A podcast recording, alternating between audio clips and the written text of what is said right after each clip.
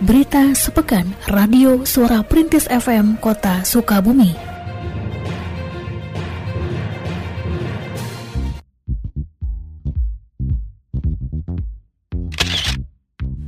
Menjelang dan selama cuti bersama Idul Fitri 1443 Hijriah, pemerintah kota Sukabumi bersama dengan Kodim 0607 dan Polres Sukabumi Kota membuka tiga gerai vaksinasi COVID-19 dengan salah satu tujuannya mempermudah calon pemudik untuk mendapatkan vaksinasi terutama dosis 3 atau booster. Adapun tiga gerai tersebut berlokasi di City Mall, stasiun kereta, dan Terminal Tipe A Kiai Haji Ahmad Sanusi. Layanan vaksinasi dibuka sejak tanggal 24 April hingga 4 Mei 2022 dengan waktu pelayanan dimulai dari pukul 8 hingga 13.00 waktu Indonesia Barat. Berdasarkan data yang dirilis oleh Dinas Kesehatan pada 25 April lalu, capaian target vaksinasi COVID-19 dosis ketiga di kota Sukabumi telah mencapai 31,66 persen dari target dan 27,58 persen dari total jumlah peserta vaksinasi booster berasal dari kategori lansia. Selain itu, Dinas Kesehatan Kota Sukabumi pada masa cuti bersama Lebaran tahun ini membuka pula beberapa posko kesehatan yang salah satunya berlokasi di Terminal Tipe A. Kabit Promkes Dinas Kesehatan Dr. Wita Darmawanti saat ditemui pekan lalu menyatakan posko ini akan dibuka hingga H plus 5 Idul Fitri. Kemudian untuk uh, pelayanan kesehatan reguler itu tiap hari untuk pengemudi dan awak angkutan uh, lebaran ya.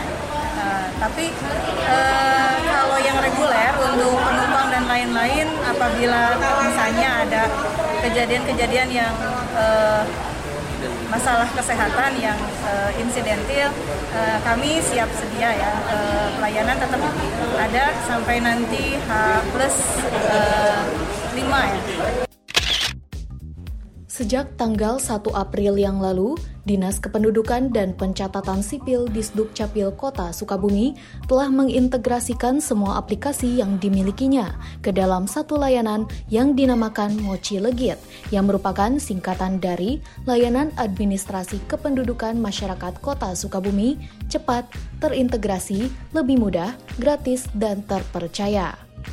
Layanan Mochi Legit dapat diakses oleh setiap warga kota Sukabumi dengan membuat akun terlebih dahulu pada website mochilegit.sukabumikota.go.id. Salah seorang masyarakat yang menggunakan layanan ini dan memberikan opininya melalui Twitter pemerintah kota Sukabumi pada 21 April lalu mengapresiasi hadirnya Mochi Legit karena pengurusan kartu keluarga hanya membutuhkan waktu kurang dari satu hari. Sementara Wali Kota Sukabumi Ahmad Fahmi dalam unggahan media sosial di Capil mengharapkan hadirnya layanan ini dapat semakin memberikan kebahagiaan bagi warga. Layanan Mecilegit merupakan aplikasi terintegrasi dari seluruh layanan dokumen kependudukan online di Capil yang telah ada sebelumnya, seperti layanan Kamboja Sari, layanan Kami Hebat, dan layanan lainnya. Sahabat Dukcapil cukup menggunakan aplikasi layanan Mocilegit untuk mendapatkan pelayanan kartu keluarga, KTP elektronik, KIA, surat pindah, akta kelahiran, ataupun akta kematian secara online.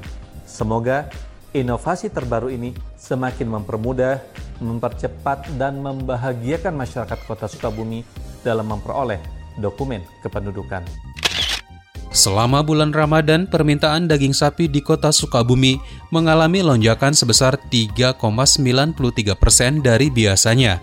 Hal ini diungkapkan oleh Kepala Dinas Ketahanan Pangan, Pertanian, dan Perikanan DKP 3 Kota Sukabumi, Andri Setiawan, melalui aplikasi perpesanan WhatsApp pada 27 April 2022. Kebutuhan daging sapi di kota Sukabumi di luar bulan Ramadan biasanya sebanyak 186 ton per bulan. Namun hasil pengukuran DKP 3 selama bulan puasa, permintaannya naik hingga 190 ton. Bahkan menjelang Idul Fitri, jumlah tersebut mengalami kenaikan hingga 211 ton.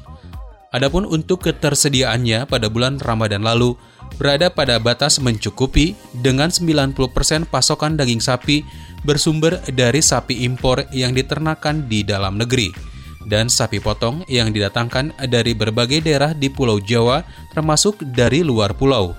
Sementara untuk harga daging sapi sempat mengalami kenaikan jelang Idul Fitri dengan harga jual menyentuh kisaran Rp150.000 sampai Rp155.000 per kilogram. Wali Kota Sukabumi Ahmad Fahmi pada Selasa 3 Mei 2022 memimpin penertiban lapak pedagang kaki lima PKL di kawasan Ahmad Yani dan sekitarnya. Penertiban ini dilaksanakan sesuai dengan kesepakatan dengan para pedagang bahwa selepas Idul Fitri, kawasan tersebut akan bebas dari PKL. Wali kota pada kesempatan tersebut menyatakan bahwa ia merasa bersyukur karena banyak PKL yang telah membongkar sendiri lapak jualan mereka sehingga memudahkan aparat yang terlibat untuk melakukan penertiban.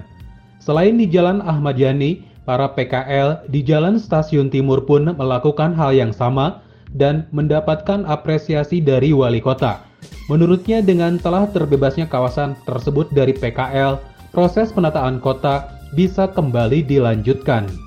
Hari ini kami dari pemerintah daerah Kota Sukabumi melaksanakan penertiban karena memang sudah menjadi jadwal yang disampaikan oleh Pak Kasatpol PP kepada para PKL. Mereka eh, plus satu mereka harus sudah membongkar barang dagangannya. Dan hari ini kita kontrol, alhamdulillah ternyata para pedagang lebih awal mereka eh, membongkarnya ya, sehingga memberikan kemudahan bagi kami petugas untuk melaksanakan penertibannya. Stasiun kita juga bersyukur stasiun ini sudah dilakukan pembongkaran di depan stasiun yang direncana awal itu tanggal 6. Nah mudah-mudahan dengan percepatan pembongkaran ini penataannya juga akan semakin cepat kita lakukan.